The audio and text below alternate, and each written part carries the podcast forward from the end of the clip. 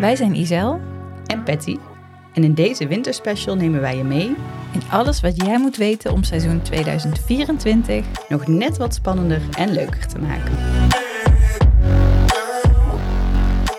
In deze special gaan we de teams bespreken die met een Honda-motor rijden of een Renault-motor. Het is een beetje het restjesavondje. En uh, we spreken ook hier weer wie is de teambaas, welke coureurs rijden er voor het team in 2024 en wat zijn een paar fun facts. En we beginnen met Red Bull. Die hebben hun fabriek in Milton Keynes, dat is in uh, Engeland, maar ze rijden onder een Oostenrijkse licentie.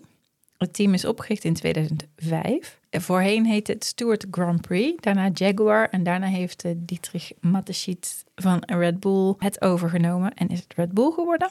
Daardoor hebben ze ook best wel veel soort van thuisraces, want daardoor is ook een beetje zowel Engeland hun thuisrace als ook uh, Oostenrijk natuurlijk. Dit team heeft met heel veel verschillende motorleveranciers uh, gewerkt. Ze hebben Ferrari-motoren gehad, Renault-motoren, wat uh, heel uh, slecht ging, en Honda-motoren. En in 2026 komt er een grote motorwijziging van het reglement aan. En daarom zijn ze nu al zelf Red Bull Powertrains aan het ontwikkelen. Dus dat gaat voor het eerst zijn dat ze echt met eigen motoren gaan uh, rijden. Het team heeft zes constructeurstitels gehaald en zeven driver championships. Natuurlijk met Max Verstappen, maar ook met uh, Sebastian Vettel. En de Britse Christian Horner is al sinds de oprichting de teambaas en daarmee een van de langst zittende teambazen. Hij was voormalig uh, autocoureur en hij is getrouwd met Spice Girl Jerry Halliwell. Een ander belangrijk figuur voor Red Bull is Helmut Marko. Die zie je ook heel vaak rondlopen. Ook een voormalig autocoureur en die is het hoofd van Red Bull's opleidingsprogramma. En um, ook in eerdere afleveringen hoorden we al dat veel coureurs uh, daar zijn begonnen in dat juniorenprogramma. Hij wordt vaak dokter Marco genoemd en dat is omdat hij is afgestudeerd in de rechten. Dan de coureurs. Natuurlijk onze eigen Max Verstappen, een 26-jarige Nederlandse autocoureur. Hij is geboren en opgegroeid in België, maar hij voelt zich Nederlander en dan vooral Limburger. Um, hij is opgegroeid dicht bij de grens en uh, wat hij zei was: ik sliep in België en ik leefde eigenlijk overdag in uh, Nederland. Mm -hmm. En hij rijdt ook onder een Nederlandse licentie. Tegenwoordig woont hij in Monaco. Hij is het kind van voormalig Formule 1-coureur Jos Verstappen en uh, had een kartende moeder, Sophie Kumpen, die we ook ooit op de eretreden hebben gehad. En nou ja, ik denk dat iedereen het verhaal van uh, Max en zijn uh, harde opleiding door zijn vader Jos Verstappen wel kent. Maar ja, daardoor is hij uh, wel gekomen waar hij nu is.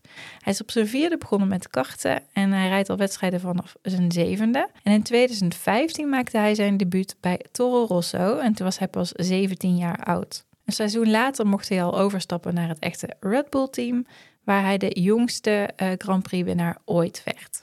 Dus hij had dat stokje overgenomen van Alonso, Vettel en toen werd het Max. En ondertussen is hij drievoudig wereldkampioen. En vorig seizoen behaalde hij maar liefst 575 punten. En dat was echt uh, met grote afstand naar de aantal punten van de nummer 2. Maar hij verpulvert eigenlijk altijd zijn teamgenoten en records. Volgens mij heeft hij in het seizoen 23 wel een stuk of 11 records. Iedere race was er wel weer een record wat hij mm. verbrak. Um, en ik vind hem uh, een hele toffe coureur, omdat hij ook zo uitgesproken is. Als hij ergens een mening over heeft, dan steekt hij die niet onder stoelen of banken. Maar hij is ook super gefocust. Hij houdt niet van de show, maar het gaat hem echt uh, over het om het racen. Maar hij heeft wel heel veel humor, vind ik. Nou, hij spreekt zich wel echt uit over de sport. Want uh, inderdaad, andere randzaken waar Hamilton inderdaad zich bijvoorbeeld ook wel eens uitspreekt over klimaat of vrouwen of bepaalde minderheden waarvan hij vindt dat hij meer kansen moeten krijgen. Daar is Max wel echt een beetje wars van. Hè? Dat, uh, dat doet hij echt niet. Ja, het gaat hem echt om het racen en verder moet je hem niet lastig vallen. Dan hebben we Sergio Checo Perez, een 33-jarige Mexicaanse coureur die in 2011 zijn debuut maakte bij het team van Sauber. In 2013 maakte hij de overstap naar McLaren, maar daar moest hij na één seizoen alweer weg. En toen ging hij naar Force India, wat later het team Racing Point werd. Sinds 2021 is hij coureur bij Red Bull en hij heeft uh, zes overwinningen gehaald in totaal en met 35 podiumplaatsen. Hij wordt ook wel de King of the Streets genoemd, omdat veel van zijn overwinningen op stratencircuits zijn. En in seizoen 21 kreeg hij ook de bijnaam Minister of Defense, omdat hij eh, Hamilton op afstand hield voor Verstappen. Vorig seizoen is hij tweede geworden met 285 punten. Dus ja, Max had gewoon eigenlijk het dubbele aantal punten van, van hem, de nummer 2. Ja, en ik kan me nog goed herinneren inderdaad dat seizoen bij McLaren... dat het eigenlijk er niet echt uitkwam, dat hij niet goed presteerde.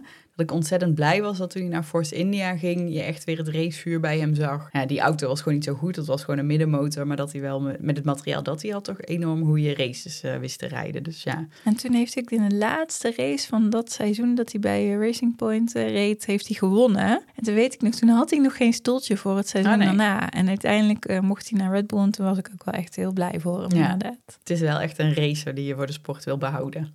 Hij heeft trouwens ook een uh, vader die vaak in beeld komt. Maar uh, uh, wat eerst heel schattig was, werd later een beetje vervelend. Omdat die man maar blijft roepen dat Checo ook wel wereldkampioen kan worden. Moet je voor je zoon ook wel doen, hè? Dat is ook waar. Ja, dan wat wel eens het zusje of broertje van Red Bull wordt genoemd. Het Alfa Tauri team, wat inderdaad vroeger het Toro Rosso team was. Ze hebben een fabriek in Faenza in Italië. En op dit moment is hun uh, teambaas Laurent Mickis.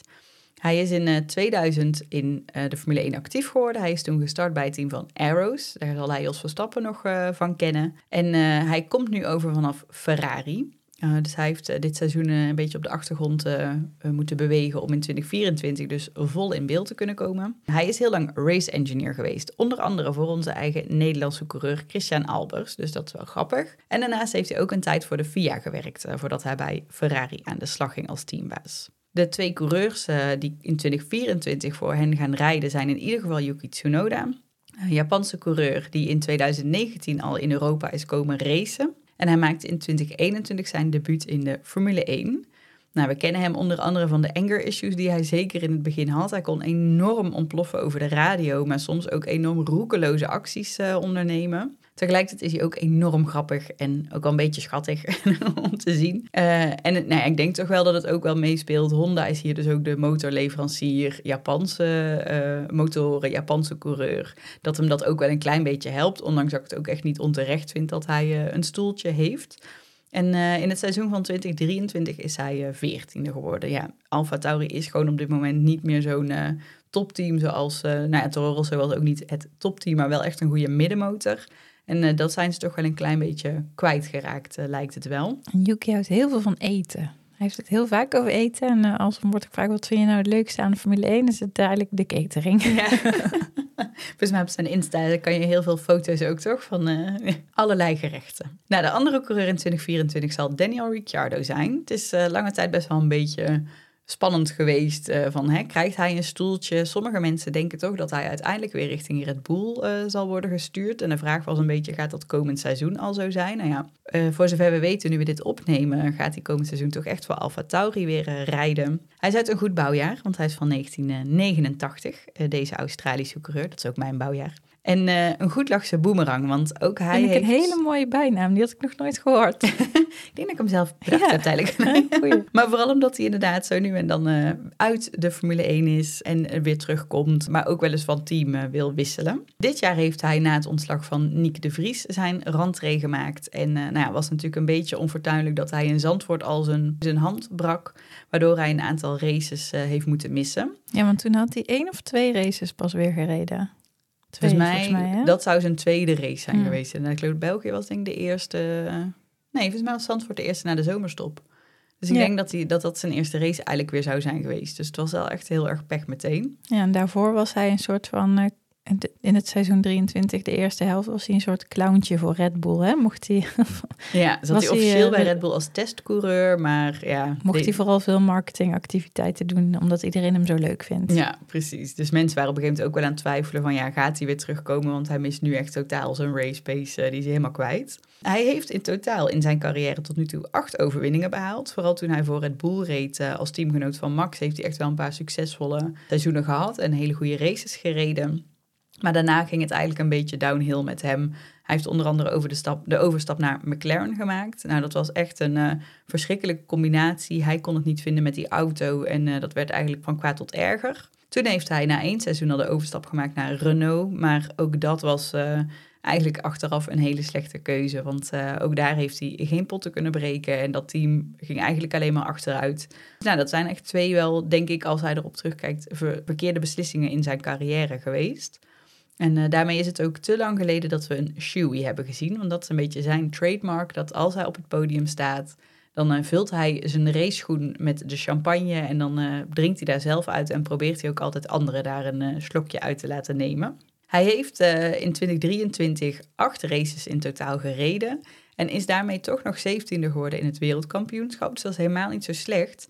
Want daarmee is hij nog boven Zo, Magnussen en Sargent geëindigd, die alle drie wel het volledige seizoen hebben gereden. Dus uh, helemaal niet uh, slecht van hem. En uh, nou ja, wat ik al aangaf, uh, Alfa Tauri heeft echt wel een hele duidelijke link met het Red Bull-team. Hebben natuurlijk ook allebei Red Bull als sponsor. En zij worden ook wel heel veel gezien als het talententeam voor Red Bull. Dat eigenlijk coureurs bij Alfa Tauri kunnen beginnen met hun carrière en dan uiteindelijk kunnen doorstromen. Hoewel dat de laatste jaren iets minder tot nu toe geweest is. Dan het laatste team, Alpine.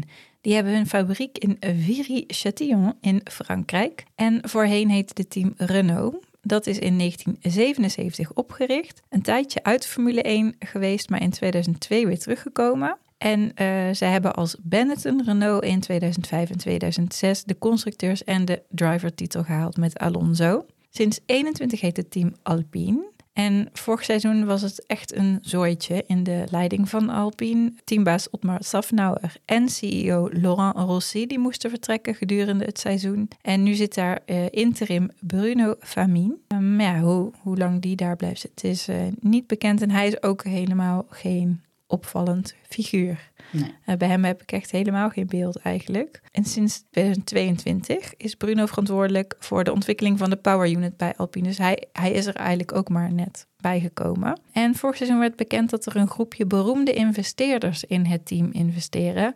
En die investeringsgroep bestaat bijvoorbeeld uit sporters uit de NFL, uh, golfers en voetballers, maar ook acteur Ryan Reynolds. De coureurs die bij Alpine rijden, het is een helemaal Franse team geworden. Want het is Pierre Gasly, een 27-jarige Franse coureur, die sinds 2014 lid is van het Red Bull Junior Team en in 2017 debuteerde bij Toro Rosso.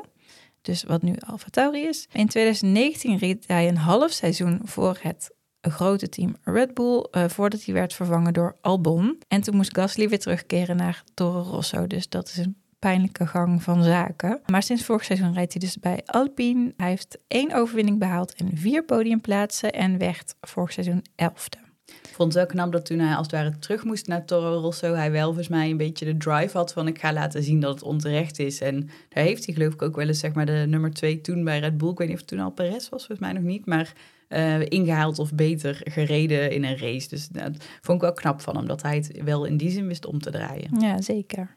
De tweede coureur van Alpine is Esteban Ocon, ook een 27-jarige Franse coureur. En die is opgeleid in het team van Lotus. En Lotus is een team geweest dat in 2012 het Renault-team heeft gekocht, maar ook in 2016 weer terugverkocht heeft aan Renault. Hij maakte halverwege het seizoen van 2016 zijn debuut voor het Manor-team, wat ook niet meer bestaat. En in 2017 en 2018 reed hij voor Force India. In 2019 had hij geen racestoeltje, maar was hij testcoureur bij Mercedes. En we vertelden al eerder, Toto Wolff is ook zijn manager. Dus uh, vandaar denk ik dat toen hij bij Force India weg moest, dat Toto Wolff hem gauw naar Mercedes mhm. heeft gehaald. In 2020 kwam Ocon bij Renault. Wat nu dus Alpine heet.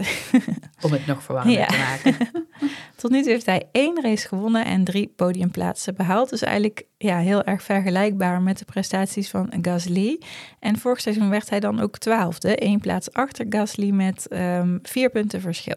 Ja, daarmee hebben we alle teams en coureurs uh, behandeld. En uh, ja, je ziet toch ook wel, vind ik, dat veel teams en coureurs onderling ook weer een soort linkjes hebben. Veel coureurs die natuurlijk van teams gewisseld zijn, teambazen die verplaatsen en dan weer hun coureurs tegenkomen die ze bij een ander team ook onder hun hoede hadden. Dus uh, ja, het is ook een klein wereldje in die zin, toch? Ja, en toch ook wel uh, wat ik wel leuk vind om uh, te zien, zodat echt wel veel coureurs uit de opleidingsprogramma's van de teams komen. En dat wil niet per se zeggen dat ze dan bij datzelfde team echt aan de slag gaan, maar wel dat ze de F1 halen. Nou, in Winter Special 2 heb jij al uh, jouw visie op het Dream Team uh, gegeven. Uh, die staat nu voor mij op het lijstje. En voor mij staat er toch één coureur helemaal buiten kijf dat hij in mijn team zou moeten rijden. En dat is Lando Norris. Dat vind ik gewoon echt de leukste coureur om naar te kijken. Ik gun het hem enorm dat hij goed gaat presteren. En nou, in die zin wil ik sowieso dat hij voor mijn team komt rijden. De tweede coureur vond ook ik wat lastiger. Want enerzijds zou ik sowieso natuurlijk een vrouw willen.